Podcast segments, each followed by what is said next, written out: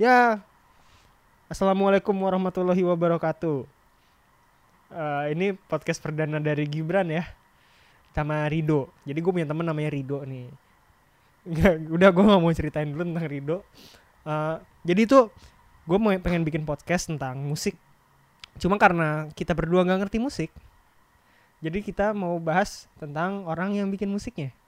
Nggak cuma orangnya sih, maksudnya kultur yang ada di sekitar musik itu atau hal-hal di luar teknis tentang musik yang karena kita gak ngerti cuma kita pengen lihat dari sekitar musik itu. Nah kenapa podcast? Karena sebenarnya gue banyak nulis tentang ini ya. Contohnya waktu itu waktu David Bowie meninggal tuh gue nulis tentang David Bowie dan androgininya cuma akhirnya ini lagi males banget nulis dan lagi rame-ramenya podcast. Eh, ya pokoknya banyak banyak banget yang mempengaruhi untuk gue bikin podcast. Nah makanya gue ngajak Rido. Rido ini temen gue yang ketemu di tempat nobar. Pokoknya kita berdua suka Chelsea terus ternyata pikirannya sama ya udah. Eh ternyata suka musik juga. Nah, karena gue suka trivia jadi banyak nih hal-hal yang sebenarnya bisa dilihat dari musik itu sendiri. Bukan maksudnya sotoy sih. Eh pokoknya pokoknya ya gitulah. Nah ini ada teman gue namanya Rido Eh, ya apa kabar dok? Alhamdulillah baik. jadi gini. Ngomongin musik nih gue mungkin teman-teman Gibran tuh tau lah gue suka apa. Nah gue pengen tanya nih sama Rido. Lu tuh musik apa sih yang paling lu suka? Yang paling masuk bukan suka ya yang paling masuk deh. Kalau suka kan kalau suka tuh kayaknya yang lain gak suka gitu kan. Ya kan? Yang paling masuk deh Sebenarnya gue bukan tipe yang sel- selektif gitu ya kalau musik kayak gue tuh sebenarnya multi genre apa aja masuk selama kayak enak gitu kayak tapi akhir-akhir ini sih gue lagi suka sama The Cure sama Foo Fighters yang kayak gitu-gitu kebetulan juga The Cure sama Foo Fighters emang deket ya? ya, beda sih pak kan gue bilang gue multi genre Oh iya oke Ya oke kan? oke. Ya kan, kira apa aja. kira karena lu suka The Enggak, Cure lu suka enggak. The Foo Fighters itu kan aneh kan jadi. kebetulan kan eh, tahun lalu gue juga nonton konser Foo Fighters gue sombong dikit deh ya kan gue dapet front row di Bangkok ya kan Itu benar-benar ngelihat si siapa Dave Grohl ya? bener-bener itu cuma dibatasin pagar doang udah kayak gitu Terus dia ngeliat lu enggak? ya kita sempet eye contact sih kayaknya ada Kaki udah sembuh belum sih dia? Udah lama ya udah sembuh. udah lama udah lama ya? sembuh itu Ya gue tahu soalnya dia patah gitu kan kakinya. Nah terus terus Eh, Foo Fighters pokoknya. Lu suka Foo Fighters. Foo Fighters Paling suka tuh Foo Paling Fighters. suka Foo Fighters Kenapa Eh, tuh? Kenapa? karena bukan justru gue berbeda sih kayak orang-orang suka Foo Fighters biasanya kan suka Dave Grohl ya kan Hmm. kalau gue lebih suka drummer ya Taylor Hopkins Nah, ini juga nih, gue suka juga nih. Lu tau nih, gue gua gua personally biasa aja sama Fighters cuma ya mereka bagus, bagus gitu loh. Cuma gue suka si Taylor Hawkins nih, soalnya Ya. menurut gue dia dia juga suka band yang gue suka dok. dia juga suka Queen. Wah. Dia juga suka Queen. Jadi tuh waktu tahun 2001 waktu Queen dapet Rock and Roll Hall of Fame nih, si si indaktinya kan si Dave Grohl sama si Taylor Hawkins. Terus tuh ngaco banget itu itu gue nggak tahu tuh sadar apa enggak sih mereka. Terus cuma cuma gue suka waktu si Dave Grohl apa Taylor Hawkins ngomong gini ngomong eh, ngomong "Oh, pokoknya ini band bagus band ini eh, salah satu legend gue suka band ini karena dulu gue kecil bla bla bla bla gitu deh pokoknya mereka berdua.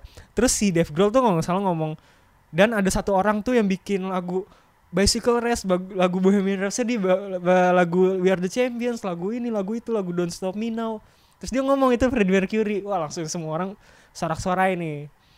Nah menurut tuh seberapa influensial sih Queen ke ke ke ke Taylor Hawkins sama Dave Grohl ya? Sampai mereka rela gitu jadi indaktinya Queen gitu kalau dibilang seberapa besar influensialnya Queen ke Foo Fighters atau Taylor Hawkins atau Dave Grohl gue rasa sih itu jelas besar ya. Kayak terlebih kan mereka pasti tumbuh besar di era-era kemasannya Queen. Mereka otomatis nggak mungkin dong kayak nggak dengerin lagu-lagu Queen terinspirasi dari mereka atau yang kayak gitu. Kalau lu nonton konser di YouTube itu lu bakal nemuin satu dua lagu di mana Taylor Hawkins nggak main drum nih Hmm, oh iya iya dia bisa nyanyi juga bisa nyanyi dia dia tukeran sama Dave Grohl. Dave Grohl main drum? Dave Grohl main drum, Taylor Hawkins nyanyi dan itu Om ini buat yang Oh, iya. belum tahu Dave Grohl tuh sebenarnya drummer Nirvana ya kan? Oh, iya. Eh, iya, emang iya? Gue gak tahu.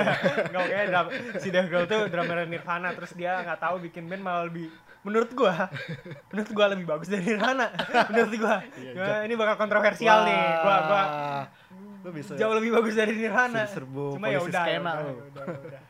ya lanjut lanjut. Jadi setelah Marquez nyanyi lah nih. Taylor Hawkins nyanyi. Dan itu pasti lagunya nggak pasti lagu Queen. Entah itu Under Pressure, Bohemian Rhapsody, Oh, iya. yang kayak gitu. Eh, itu karena itu udah kelihatan lah dari Iya. situ seberapa besar pengaruhnya se- eh, Queen, Freddie Mercury ke Taylor Hawkins. em, ini gua gua sebenarnya pengen banget nih ngomongin hubungan Foo Fighters sama Queen tuh banyak banget. Nanti deh tapi nanti. Nah ngomong-ngomong itu berarti Freddie Mercury nih. Freddie Mercury kan filmnya juga bakal rilis nih.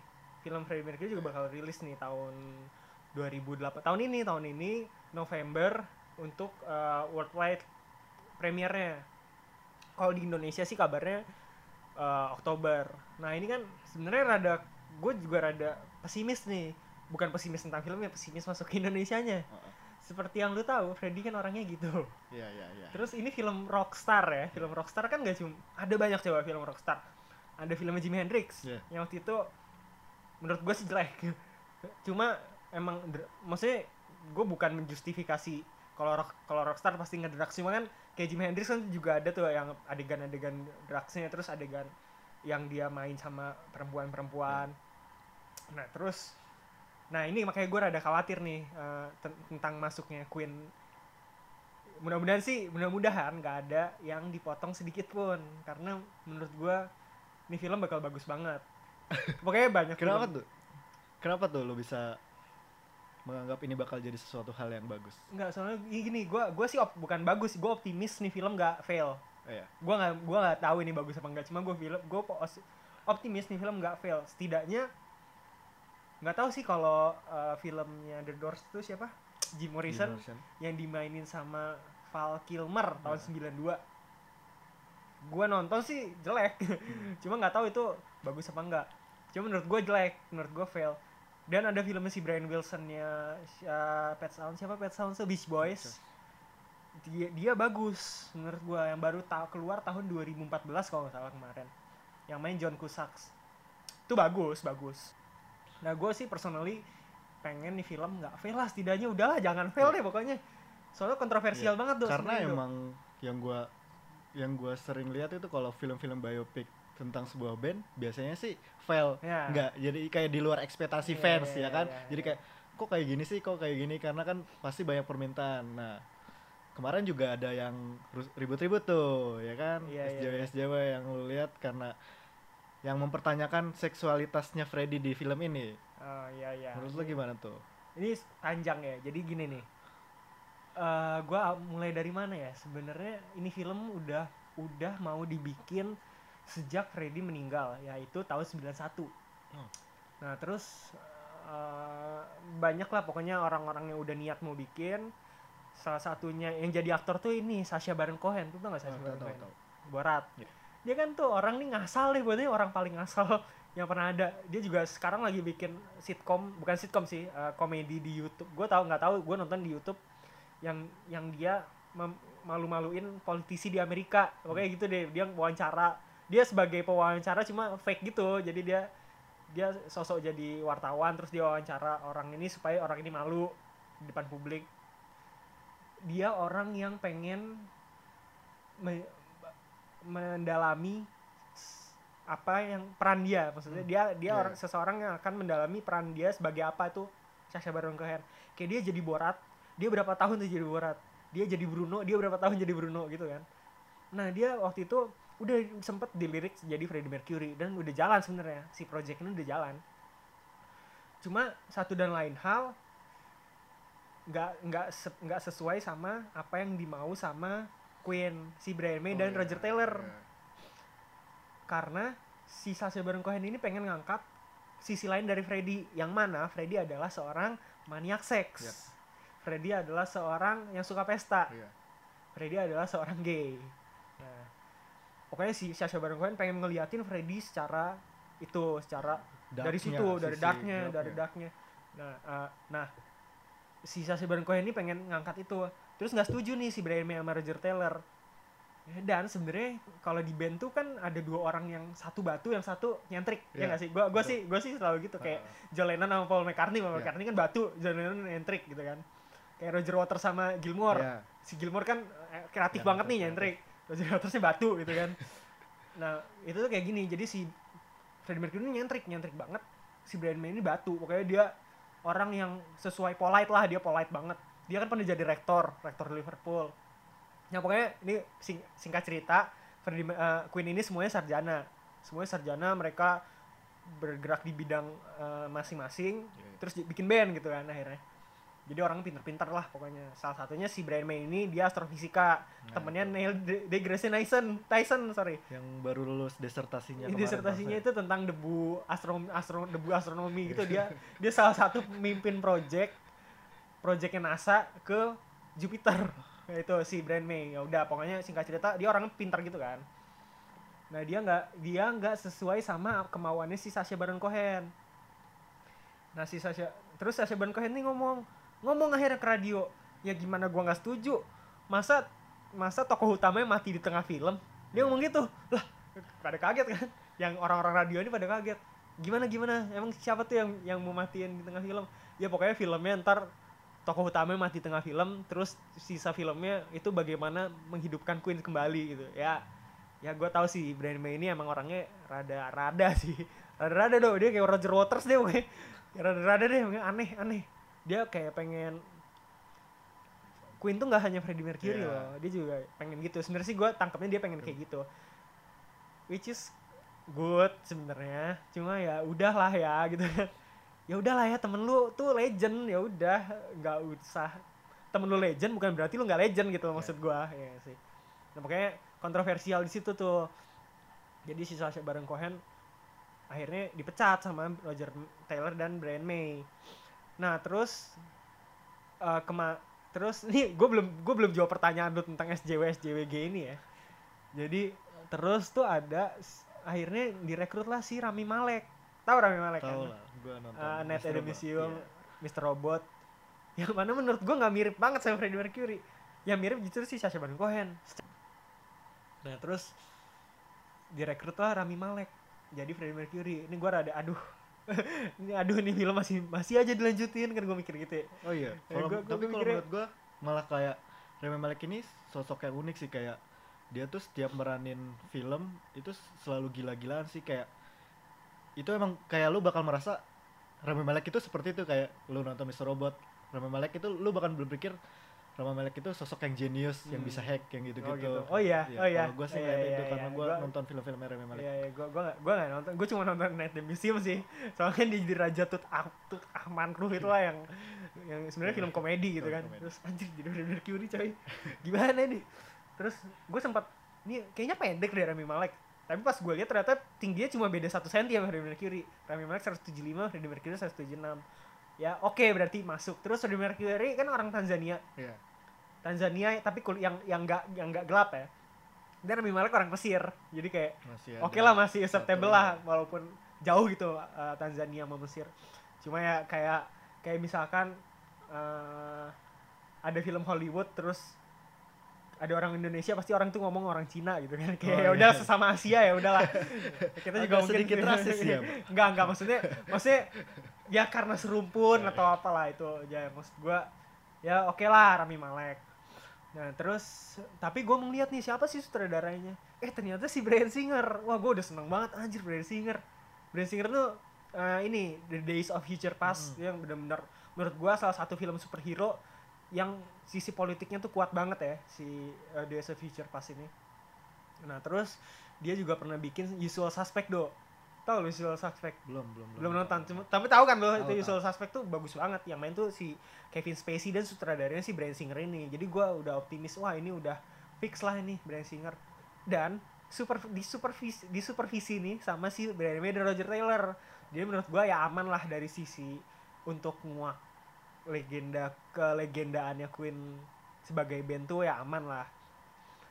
Eh, udah nih udah berjalan baik. Terus dia ngambil screenwriternya si yang bikin teori of everything tahu The teori of everything. itu kan udah film biopiknya Stephen Iya. Hawking dan sukses banget kan tuh.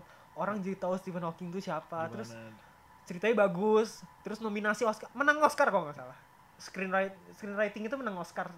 Ini kalau kalau nggak salah ya kalau koreksi kalau gua salah. Dan terus nah gue udah wah optimis lah nih bisa lah insya Allah jadi film yang bagus. Terus akhirnya mulai tuh ada fotonya foto eh, live aid pokoknya ini katanya ya katanya penutupannya itu di live aid. Jadi nggak nyampe si Freddie Mercury meninggal.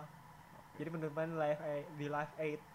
Dan menurut gue sayang juga sih harusnya kan ya udah sampai Freddie meninggal. Cuma ya udahlah mungkin gua ini masih perkiraan gua. Oke ini karena karena kesuksesan live aid ini jadi si si Queen ini break tahun 83 terus diajak main lagi manggung sama si Bob Geldof. Bob Geldof ini charity nih si orang charity pemu- musisi yang gak terlalu sukses sebenarnya di, di di di musik terus dia bikin charity tentang Afrika yang lagi kelaparan waktu itu Bob Geldof ini pernah main di filmnya Pink Floyd Hmm. The Wall Ya, Nah, dia film dia pemeran utamanya. Terus dia ngajak Queen, "Ayo gabung lah main." Ya udah, akhirnya Queen mau mau aja. Terus pas itu tuh rame tuh ada Who, ada Status Quo, ada Joan Baez. Jadi tuh di Inggris ada la- Live Aid namanya. Ntar lu ntar gue bakal bahas cuma nggak tahu apaan. Oke di Live ini konser charity yang di mana diselenggarain di Inggris dan di Amerika. Di Amerika itu di Philadelphia. Nah terus nih gede banget ini dis- disiarkan di 96 negara do disiarkan di 96 negara yang pasti ini orang banyak banget yang nonton dan ini Queen nah, tampil setelah dia break uh, break sekitar dua tahunan datang dengan karisma yang Freddie Mercury kan ya datang uh, jingkrak jingkrak Iya. nah terus lucunya nih si sound engineer-nya Queen rada iseng. Dia ngegedein volumenya. Ngegedein volumenya. Gedein Queen manggung 20 menit langsung itu ini gue yakin gue yakin orang yang nonton bakal merinding soalnya dino- di- dinobatkan sebagai performa terbaik di abad di era 20 di era 20 abad 21 21 ya berarti ya, 21 enggak dong 20, 20, dong 20, 20, di abad 20 ini tuh bener-bener wah energinya tuh wah gila itu energi satu stadium wah itu itu itu dan di dan jadi show jadi uh, salah satu the best yang the best performance yang pernah tampil di TV lu bayangin tahun segitu lu nonton Queen yang udah break up eh, break up kan udah break selama 2 tahun terus dia tampil di TV terus kayak gitu performanya wah itu gila banget nah makanya core dari film itu tuh Live Aid core dari film ini tuh puncak kesuksesan Queen itu ada di Live Aid kayak gitu loh maksudnya nah gua nggak tahu bakal sejauh apa ntar dia nge-explore Freddie Mercury-nya nah karena Freddie Mercury ini sebenarnya orang introvert banget kan dia. Dia Freddie Mercury ini orang introvert banget. Cuma ketika lu nonton lu ngerasa dia tuh teman kita. Iya, iya, iya. Berarti kan dia ngera lu ngerasa nih orang terbuka banget maksudnya dia kita tahu Freddie Mercury itu siapa gitu jadinya kan.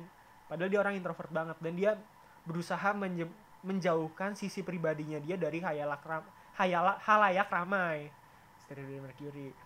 Nah, makanya dia nggak suka ketika orang nge-explore dirinya dia sebagai seorang yang berada di bukan berada ya sebagai seorang gay seorang eh, hom mm, seorang gay. Nah eh, dia nggak suka tuh. Maksudnya dia tuh pengen nih nih loh gua tuh gua tuh seorang imigran dan gue menjadi legenda di musik Inggris bahkan musik dunia. Kenapa lu nggak ekspor gua Iya. kayak situ? Karena banyak sisi positif gitu yang bisa lu ambil tapi kenapa lu memaksakan untuk untuk gue mengekspos sisi sisi pribadi gue gitu Iya, ya iya, nggak sih iya, iya. heeh. itu Freddie Mercury itu seperti itu jadi menurut gua ketika ada film yang mengeksplor dirinya secara eksploitatif dirinya tuh seorang gay seorang yang suka party seorang glamour gue yakin Freddie Mercury nggak suka apalagi apalagi ini kan film resmi yang dikeluarin sama teman-temannya Freddie Mercury yaitu Demi dan Roger Taylor nah jadi nah eh, cuma cuma karena Freddie Mercury ini sangat besar banyak orang yang akhirnya mau Freddie Mercury ini berada di sisinya sebagai seorang yang mempromosikan suatu gerakan gitu. Jadi sebagai icon. Eh, kan ada tuh kayak si Cindy Lauper yang emang sebagai les, eh, gay iconnya LGBT di Iya. New York kan.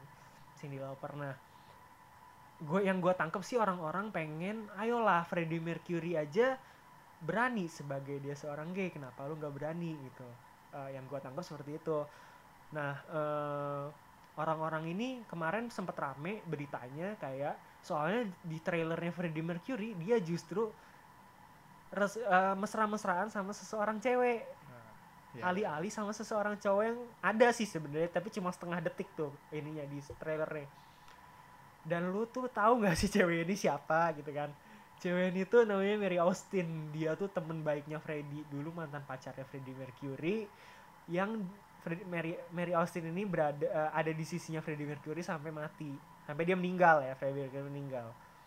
Jadi ini bukan sembarang cewek coy Eh, nah masalah dia kenapa di trailer itu cuma ada beberapa detik bahkan setengah detik adegan dia kalau nggak salah deket gitu ada ada ada adegan fisik lah pokoknya sama si cowok ini gua nggak tahu cowoknya siapa entah Peter si tim eh, siapa? Pacarnya Jim Jim Jim Hutton. Nah itu gua nggak tahu tuh cowok ini siapa cuma ini akhirnya jadi masalah nih kayak ah ini mah filmnya memalukan pokoknya ini filmnya nggak seimbang gitu lah lu tau lah kayak gimana sekarang sih skena skena Hollywood Ya, ya. kayak La La Land sebenarnya bagus banget cuma yang menang kan akhirnya Ya, si. Moonlight gitu kan terus tuh kalau sorry sorry nih kalau lu kalau lu pemerannya kulit putih semua lu susah menangnya deh pokoknya Ya. gitu kan Sekarang movementnya lagi condong ke arah sana ya. Eh, maksudnya ya udahlah ini kan That's okay. Dan Iya, itu iya, nggak ada yang iya. nggak ada yang salah dari hal itu. Cuma lu nggak bisa memaksakan hal itu ke semua hal gitu ya kan. Ada hal tertentu yang emang harus diambil sisi lainnya, bukan Hmm. sisi itunya aja gitu iya, loh. iya, Iya iya. Ya, itu salah satunya Iya. itu yang kayak kenapa sih si Freddie Mercury kok nggak kelihatan dia bangga sebagai gay ya karena dia nggak bangga anjir dia biasa aja lu tuh menurut Freddie Mercury orientasi seksual tuh lu tuh biasa aja. Lu suka sama human being ya udah. Lu mau melampiaskan thing, ya. secara seksual dan secara romantisme ya udah gitu loh.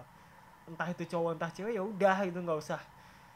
So, ya itu karena si karena dulu siapa namanya? Morgan Freeman juga pernah ngomong ya tentang tentang Black Pride ya. Semakin lu apa gimana Iya, iya. jadi? Sem- kayak semakin lu semakin lu meminta sebuah pengakuan, Hmm. jadi kayak orang-orang malah ma- makin merasa asing kayak aneh kayak oh berarti lu tuh berbeda dari Iya. gue, iya gak sih eh, kayak gitu. semakin lu merasa meminta pengakuan berarti semakin inferior Iya. kaum lu gitu Iya, aja jadi ya udah biasa aja Uh, hak kesetaraan ya emang harus Iya, hak harus, harus kesetaraan ada. tuh harus Jelas, jelas. cuma bukan berarti ketika lu berbeda dari orang lain lu bakal superior Heeh. gitu. enggak enggak maksudnya ya udah ya udah kita tuh ya udahlah gitu kayak ya contohnya ini yang kayak banyak protes tentang si Freddie Mercury kok nggak kelihatan bangga gitu loh sebagai gay gitu loh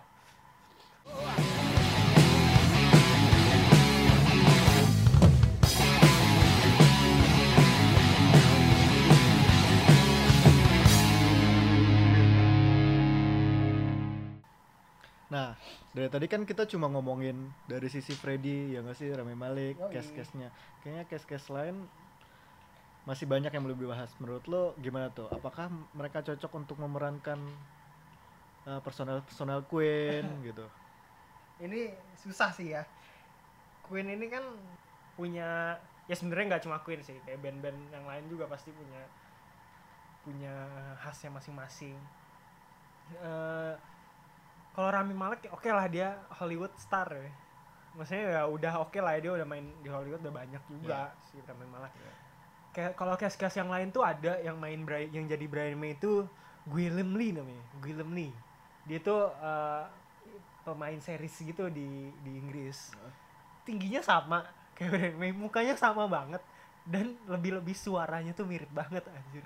Oh itu iya. kalau lu hah, kalau lu denger di trailer pas dia ngomong eh, hmm operatic section ngomong gitu itu orang-orang ngira itu Brian May yang dubbing suaranya. Padahal itu emang suaranya dia suara si Lee ini mukanya mirip banget. Terus dia emang suka banget hangout bareng si May jadi lu lu bayangin lu mainin lu lu hangout sama Iya, orang yang lu iya, mainin. iya, wah iya. lu wah itu gimana? Enggak wah anjir.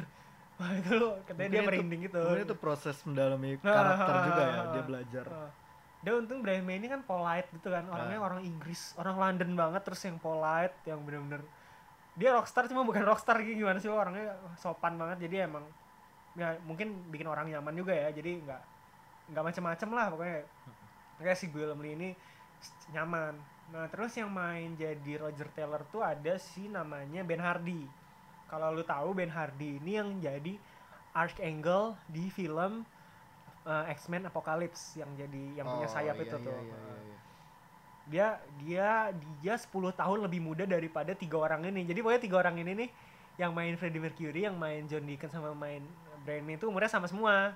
Yang main Ben Hardy ini 10 tahun lebih muda. Kenapa? Karena emang mukanya si Roger Taylor tuh muda banget dan cantik. Iya kan dia benar cantik. Jadi ya ya oke lah. Terus dia emang orangnya aksennya mirip, aksennya sama-sama dari Inggris eh, dari London, sorry. Mereka dari London juga. Jadi ya oke, gua gua nggak terlalu tahu banyak tentang si Ben Hardy ini. Gue cuma tahu Roger Taylor. Roger Taylor ini orangnya detail banget. Dia orangnya detail dan dia ini lucu. Dia apa ya? Dia punya banyak temen. Dia teman-temannya banyak teman-teman rockstarnya tuh banyak banget jadi emang orangnya asik lah kalau di kalau di band tuh kan ada orang asiknya gitu kan Iya. ada orang asiknya dan si Roger Taylor ini orang asik banget deh dia kayak Ringo Starr lah pokoknya asik dia pokoknya Ringo Starr kan tuh asik banget kan pokoknya si Taylor asik dia punya eh, nah, si Ben Hardy nih yang melawannya nah terus ada yang yang yang ini John Deacon yang main John Deacon tuh namanya Joseph Mazzello kalau lo tahu dia pernah main jadi anak kecil di Jurassic Park 1 Nah, lo Hmm, yang pasti yang, asing yang itu ya, yang yang, yang nerd itu yang iya. nerd itu yang ngeselin. Yang ngeselin. ngeselin yang dia deketin si profesor siapa sih namanya. Itulah pokoknya dia akhirnya ternyata dia emang sering main The Pacific. Dia pernah main The Pacific tuh film perang. Hmm. setelahnya Band of Brothers dia bakal dia main main The Pacific bareng Rami Malek juga ternyata. Dan gue baru tahu ternyata dia emang aktif di seriesnya di Inggris. Gue kira dia udah nggak ada gitu maksudnya udah udah nggak main film gitu kan yang si bocah ini. Eh ternyata dia meranin jadi John Deacon dan itu mirip banget. Nah terus tapi dia wawancara kan waktu itu sempat gimana nih Willem Lee? Eh gimana Rami Malek? Lo ngedalamin Freddie Mercury gimana? Oh iya gue gue kebetulan ketemu sama si adiknya Freddie Mercury jadi gue bisa mendalami gini gini gini. Oh kalau Willem Lee gimana lo waktu mendalami Brian May. Oh iya jelas lah orang gue hangout bareng Brian May gitu kan. terus Ben Hardy juga sama Roger Taylor hang- hangout. Masalahnya adalah John Deacon. Iya. John Deacon ini basis underrated. Kan ada ya the, the silent one. Kalau kalau di band tuh ada Ada the satu. silent one. Kayak di The Beatles tuh kayak si George Harrison Iya. gitu loh. Cuma ini lebih parah dia udah semenjak Freddie Mercury meninggal dia udah nggak akan hidup di musik gitu. Pokoknya udahlah dia berkeluarga aja selama ya dia uangnya dari royalti lagu-lagunya yang cukup banyak ya kayak You Are My Best Friend gitu gitu kan lagu-lagunya dia I Lagu Want to Break Free gitu. sih. Your My Best Friend itu salah satu lagu yang emang bener-bener underrated sih menurut gue. Iya. Itu sebenarnya itu itu menggambarkan si basisnya ini dong, Ya. bener dong. Dia ah, underrated banget deh. Nah makanya dia akhirnya mengasingkan diri. Ya udah dia mengasingkan diri bersama keluarganya dan emang nggak nggak mau jauh deh dari dunia hiburan juga orang sih ngeliatnya jadi ngeselin gitu. Jadi kayak apaan sih nih orang? Nggak mau ditemuin sama fans juga. Iya. Ka- bukan kasar sih ya gue nggak mau diganggu gitu loh maksudnya. Ya gara-gara dia dia salah satu orang terdampak besar dari kematian Freddie Mercury. Nah si masalahnya ada si Joseph Mazzello harus ini jadi si John Deacon gimana caranya tuh? Tanya kan gimana lu ketemu John Deacon lah yang boro-boro? Gue nggak bisa ketemu John Deacon coy gitu kata si John Mazzello untungnya ada anaknya si John Deacon nih rada baik gitu rada Ah, mau- rada rada akhirnya ketemuan lah mereka. Terus oh ternyata gitu ya John Deacon orangnya. Ya udah ya oke lah mudah-mudahan dia nail it sih. Itu jadi menurut gua oh satu lagi satu lagi Lucy Boynton. Dia mainin jadi Mary Austin Heeh. long lover of Freddie Mercury. Dia kalau lu tahu lagu Love of My Life uh, Itu kan eh, Take My terinspirasi dari dia. ya itu dia tuh itu seru nih Love of My Life tuh bukan lagu Freddie Mercury kan menurut gua ya, ini menurut gua menurut gua karena gue suka banget Queen banyak orang ngira Love of My Life ini lagu patah hatinya Freddie Mercury Iya. tentang Mary Austin padahal kalau lu tahu Freddie Mercury secara dalam-dalam gue yakin lu sadar kalau Love of My Life ini adalah lagu Mary Austin untuk Freddie Mercury.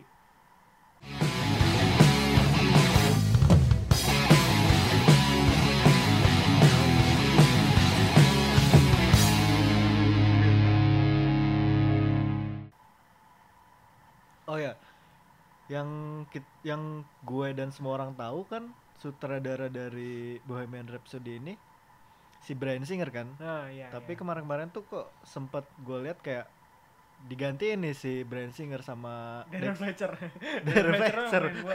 Dexter Fletcher. Dexter Fletcher. Itu kenapa sih? Eh, padahal udah hampir rampung ya nggak sih? Bisa Iya, dibilang hampir rampung juga film ya. Iya. Jadi itu selain Hollywood stuff Ah.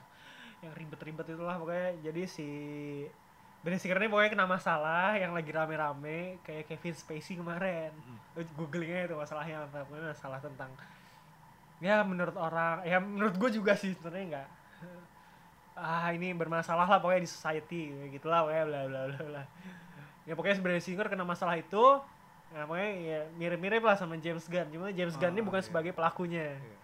James Gunn kan sebagai orang yang jadi ini tuh komedi Iya. kalau James Gunn Terlalu dark jokes. dark dan- jokes ini uh, don't get it gitu lah apalagi film-film Disney gitu kan maksudnya eh, maksudnya apalagi dia menaungi film Disney Iya, gitu. iya. ini dia ngaco banget sih kalau James Gunn tuh emang gua anjir gua goblok banget gua goblok, ngeliat tuh kayak anjing kalau itu. Cuma lu salah, lu kenapa lu hapus sih? tapi menurut gue itu kocak Iya. ya udah gitu loh itu jadi jokes gitu nah Bryan Singer ini sebagai pelakunya diduga sebagai pelakunya di tahun dulu-dulu jadi ini pokoknya in- ya instan bukan instan ya pokoknya ini tindakan instan dari production house sekelas Fox ya akhirnya dipecat lah si si Bryan Singer cuma alasan dipecatnya bukan itu katanya katanya dia suka mangkir di syuting yang menurut gua adalah itu sangat nggak profesional dan Iya, iya. nggak mungkin bukan ya nggak lah Cuma alasan. itu mah alasan gitu. alasan lu sutradara besar terus lu mangkir gitu Iya, iya. anjir lah udah lah ya gitu ya kayak lu udah sebesar itu gitu sebagai sutradara. Nggak mu menurut gue sih nggak mungkin cuma alasannya sih itu alasan resminya itu.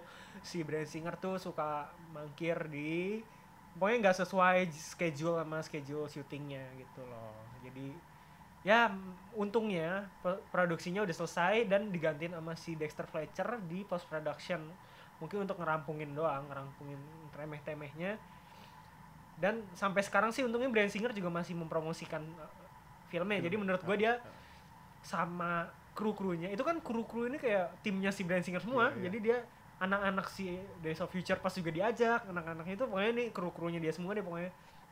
Jadi menurut gua dia masih berhubungan baik sama personil-personil Queen juga masih berhubungan baik. Jadi ya mudah-mudahan sih nggak bukan jadi masalah. Toh toh kredit sebagai sutradara tetap ke si Bryan Singer Oh, ternyata. iya, iya. Itu yang mudah-mudahan lah bukan jadi masalah. Itu loh.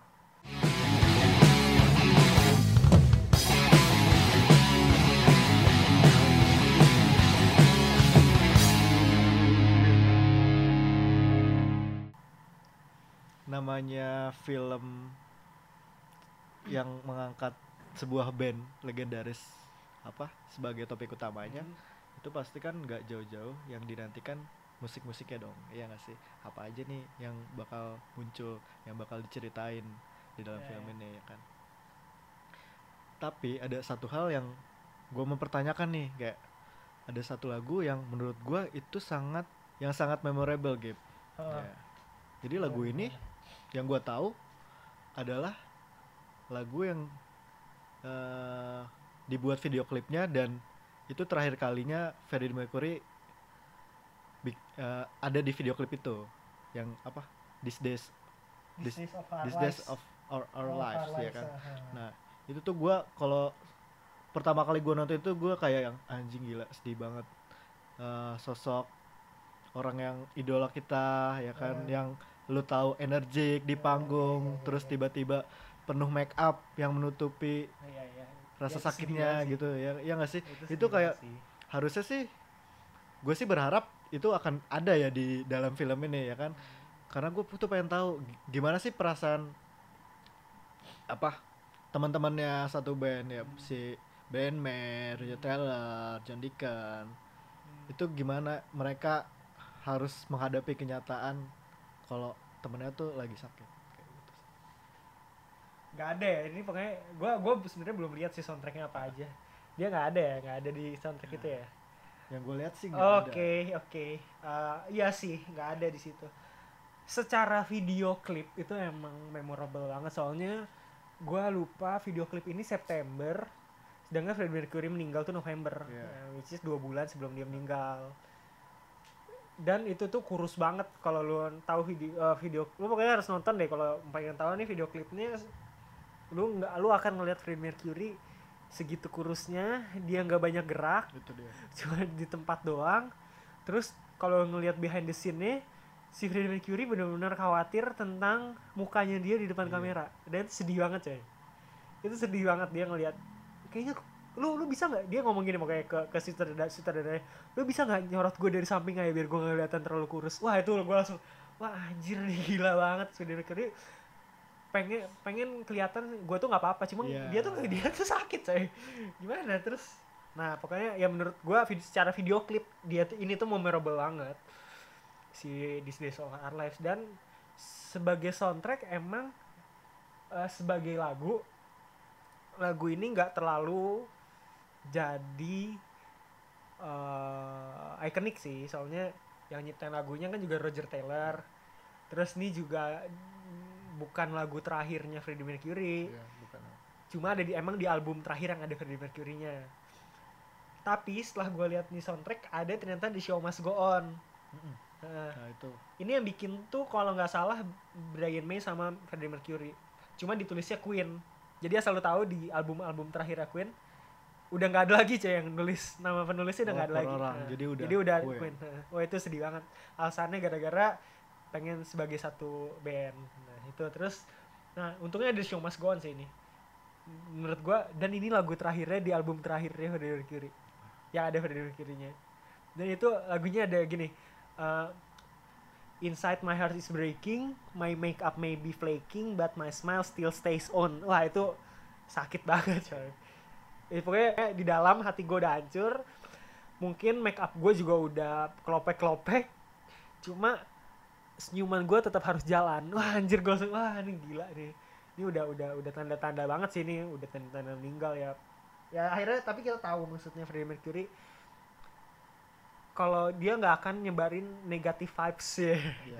lu positif vibes positif vibes itu bener coy Freddie Mercury nggak perlu lah lu kayak ayolah kita sebarin positif nggak perlu udah pokoknya kayak Freddie Mercury aja dia nggak pengen kelihatan lemah depan semua orang Iya, dengan itu dia, yang dia, gua tahu. Karena yang gue tahu tuh eh, dari pertama kali dia positif kena AIDS, Hmm. itu dia nggak langsung bilang ke grup band ya, dia baru bilang beberapa tahun atau beberapa bulan mungkin se- setelah itu Hmm. kayak dia baru siap, baru mau bilang ke semuanya. Dia nggak sosok yang mau ah nanti takutnya mereka jadi beda kan treatmentnya ketika Iya. lu tahu temen temen lu sahabat lu sakit otomatis lu treatment lu beda dong Hmm. jadi kayak lu bakal ya kasihan mungkin iya dan lain-lain sih kayak gitu. Iya iya iya. Ya, setuju sih gua. Dan dan yang gue tangkap sih Freddie Mercury nggak akan mau karyanya jadi dimaklumi kalau dia sakit. Ah sih iya. jadi ah ya bagus kok soalnya lo lagi sakit. Gitu. Kan nggak nggak pengen lah kayak gitu Iya, iya. nggak. Jadi kayak contohnya kayak ada kemarin ada seniman yang emang difabel ya. Gue different ability. Difabel bagus lukisannya. Cuma cuma captionnya kok aneh kayak eh, gila hebat kaum difabel bisa bikin kayak gitu. Ya enggak anjir. If you good enough you good gitu loh. Iya iya. Nggak usah ada embel-embel Iya. lainnya Iya, itu iya, ya iya, kan? maksud gue gitu. Ya mungkin si Freddie Mercury pengennya dia dianggapnya sebagai seorang yang masih mampu kok untuk berkarya. Apa pun apa pun kondisinya dia masih mampu untuk berkarya gitu. Jadi ya ntar gue mungkin di lain episode bakal bahas tentang ada beberapa lagu yang emang cuma setengah Freddie Mercury rekam gitu lah. Jadi dia udah nggak kuat ya itu dan nanti mungkin akan dibahas gitu. Lagi nih ke filmnya Gabe. Menurut Wih. lo Bohemian Rhapsody ini memungkinkan untuk menang di Oscar kah? Dan di kategori apa menurut lo? Ah is- kalau sebagai fans sih ya penting nggak fail aja sih kalau gue Oh, cuma cuma banyak yang bilang nih kayak di komen-komen di YouTube juga pas banyak juga yang wawancara si Rami Malek nih calon pemenang Oscar katanya dia Ah. bakal nail it banget pokoknya katanya si Rami Malek ini. Dan lebih-lebih produsernya asal lu ta- tadi gue lupa mention sebenarnya ada produsernya. Queen ini tau gak siapa? Siapa? Robert De Niro jadi Ah. Robert De Niro Taxi Ya, Driver ya, ya, Raging ya, ya, Bull. yang udah sering Wah lah Oh, gila udah film-film udah ini. aktor senior banget lah lu ibarat kata di sini siapa ya? Ah, ah pokoknya aktor senior banget dia nih Robert De Niro. Dan dia jadi produsernya dan dia fansnya Queen. Jadi ya aman. Kalau untuk Academy Awards atau Oscar dari nominasi yang bisa dilihat tuh kira-kira apa ya bisa masuk deh. Best actor in leading role tuh bisa mungkin sih. kan sih. Mungkin asal nggak ada Iya. film tentang asal nggak ada film tentang yang umum. tentang yang yang, tidak mainstream aja. Jadi se- film yang bagus tahun ini apa sih sebenarnya? Ada nggak sih? Hereditary tau gak lu? Hereditary Kayaknya Oh, nggak- kayaknya nggak kayak masuk tapi ya? kalau untuk nggak akan masuk best picture ya? Eh, tadi yang kita yang Ya, dari Best Picture dulu best aja, Best picture, Picture. best picture memungkinkan sih Hereditary kalau untuk the best picture. Nah, karena itu kayak agak unik sih apa pengambilan gambar gitu-gitu. Kalau isu tentang minoritasnya nggak ada kan? Nggak ada. Lagi rame apa ini tahun ini? Nggak ada kan sebenarnya? Nggak kayak Eh, nggak kayak nggak kayak Moonlight gitu kan? Nggak ada. Nggak ada. Belum belum. Ya mudah-mudahan nggak ada sih. Jadi biar nggak terlalu dijago-jago ya. Sorry sorry nih sorry nih pokoknya. Jadi ya biasanya kan gitu. Kalau lu nggak kalau lu bukan minoritas lu susah untuk menang gitu kan kalau di Oscar nah terus eh, best picture ya mungkin sih asal nggak ada film yang lebih bagus dari tahun ini apa ya Infinity War tuh ya susah sih film-film komikal gitu untuk menang ya mungkin Black Panther sih mungkin bisa Nggak tahu sih gua. bisa jadi. Tapi bisa juga. Bisa juga tuh Black Panther karena ada isu. ya ya Black- ya ya. ya. Black Panther tahun ini ya Tahun ini Black Panther. Ya mudah-mudahan sih gue sih berharap mudah-mudahan Bohemian Rhapsody bisa Best Picture terus Best Director juga susah sih soalnya kan bermasalah bla bla bla. Best Actor mungkin mungkin bisa Rami Malek. Secara Theory of Everything juga menang kan waktu itu si ya Eddie Redmayne. Eddie Redmayne kan menang tuh jadi Stephen Hawking. Itu bisa sih. Kalau dia bagus nail it banget di Freddie Mercury jadi Freddie Mercury. Terus animated bukan sinematografi ya. Gua nggak tahu sih gimana cara nilainya jadi ya skip aja. Kostum desain ini gue yakin menang sih. Kostum Iya. desain. karena kan eh, referensi-referensinya harus sama kan Iya. ya yang kayak tahun dulu lu gimana Iya, iya. yang gue lihat sih yang gue baca kayak bahkan sampai sabuknya pun itu Sama. dicari yang Ah. tahun segitu tahun Ah. 80 itu gimana caranya harus sama mirip Dan sebenarnya lu kan kalau band nih, kalau band lu punya kru punya apa road road manager gitu kan. Iya. ada ada kru uh, sound engineer ada Queen ini punya satu kru yang khusus ngedesain baju-bajunya dia tahun 70 ya? Oh, iya. Queen sebelum kumisan nih. Iya, iya, dia emang ada nih. Si kostum desainer itu Si ada ada. gondrong-gondrong semuanya. jadi ya, kalau setengah show Freddie Mercury ganti baju. Tadinya pakai berlian jadi nggak pakai berlian. Atau tadinya nggak pakai berlian jadi pada pakai berlian. Lucu deh kayak Queen ini kalau custom design sih makanya. Paling saingannya Black Panther Ah, atau Infinity War. Bisa tuh. Iya nggak sih? Ya yang penuh dengan Black Panther sih. kostum-kostum Black Panther kostum, bagus ya. banget soalnya. Kostum menurut gue dia merepresentasi me- apa ngambil adaptasi dari berbagai macam kultur di Ah, Afrika ah, gitu kan. setuju setuju. Hmm, bisa sih. Kalau komentari enggak. Best film editing. So gua nggak tahu sih. gue sejauh apa film editing tuh. Soalnya ada ada visual effect ada film editing. Jadi gua nggak tahu gimana maksudnya best foreign language film ini lucu ada si Marlina ada empat babak itu. Kita jadi bahas Oscar. oh iya. Oh iya? iya ada. Kayaknya ada deh kayaknya maju deh mereka. Best live action short film enggak. Best make up and hairstyling Bisa. menang. Menang. Pegang kata-kata gue menang. Best make up and hairstyling menang sih harusnya. Kalau nggak menang sih keterlaluan. Itu rambutnya Brian May mirip banget anjir.